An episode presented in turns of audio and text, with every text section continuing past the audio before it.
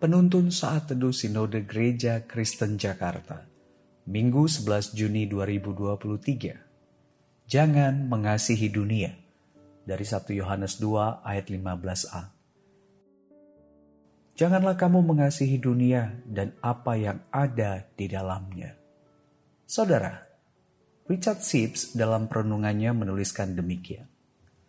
Anak-anak Allah sedang berenang melawan arus dan menjalani hidup yang berlawanan dengan dunia.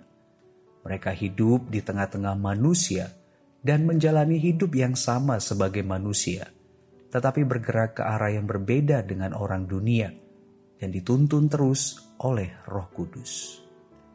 Penganiayaan berat itu yang dialami oleh orang-orang Kristen pada abad pertama ada dari antara mereka yang tidak kuat menahan berbagai-bagai penganiayaan yang mereka alami. Mereka mulai meragukan Tuhan dan kebenaran firman-Nya.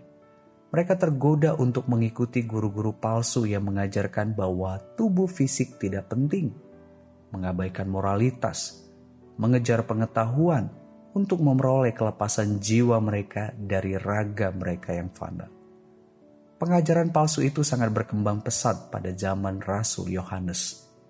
Itu sebabnya dia menuliskan suratnya ini untuk mengarahkan kembali cara pandang orang-orang Kristen agar meyakini ketuhanan dan kemanusiaan Kristus serta hidup dalam kebenaran. Rasul Yohanes menasihati mereka agar tidak mengasihi dunia ini.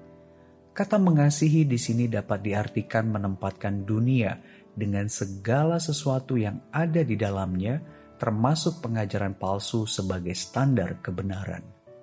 Tindakan mereka mengasihi dunia dapat terlihat dari tidak lagi mempercayai Kristus, menikmati dosa, berjuang keras untuk membebaskan jiwa dari raga mereka melalui berbagai pengetahuan.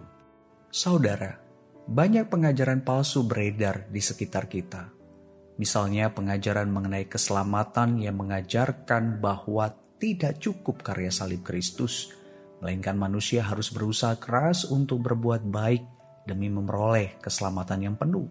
Selain itu ada juga pengajaran yang menekankan anugerah yang besar, bahwa semua dosa sudah diampuni. Jadi kalaupun sekarang jatuh ke dalam dosa, itu tidak menjadi masalah karena dosa sudah diampuni. Pengajaran ini enggan mengajarkan arti pertobatan sejati.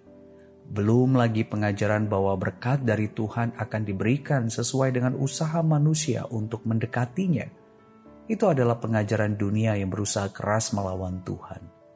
Sikap kita sebagai murid-murid Kristus yang tidak mengasihi dunia ini adalah menyangkali pengajaran dunia yang sesat, serta terus berjuang menaati kebenaran firman Tuhan. Murid Kristus sejati selalu memberi diri diterangi kebenaran firman Tuhan dan tidak lagi mengasihi dunia yang penuh ilusi.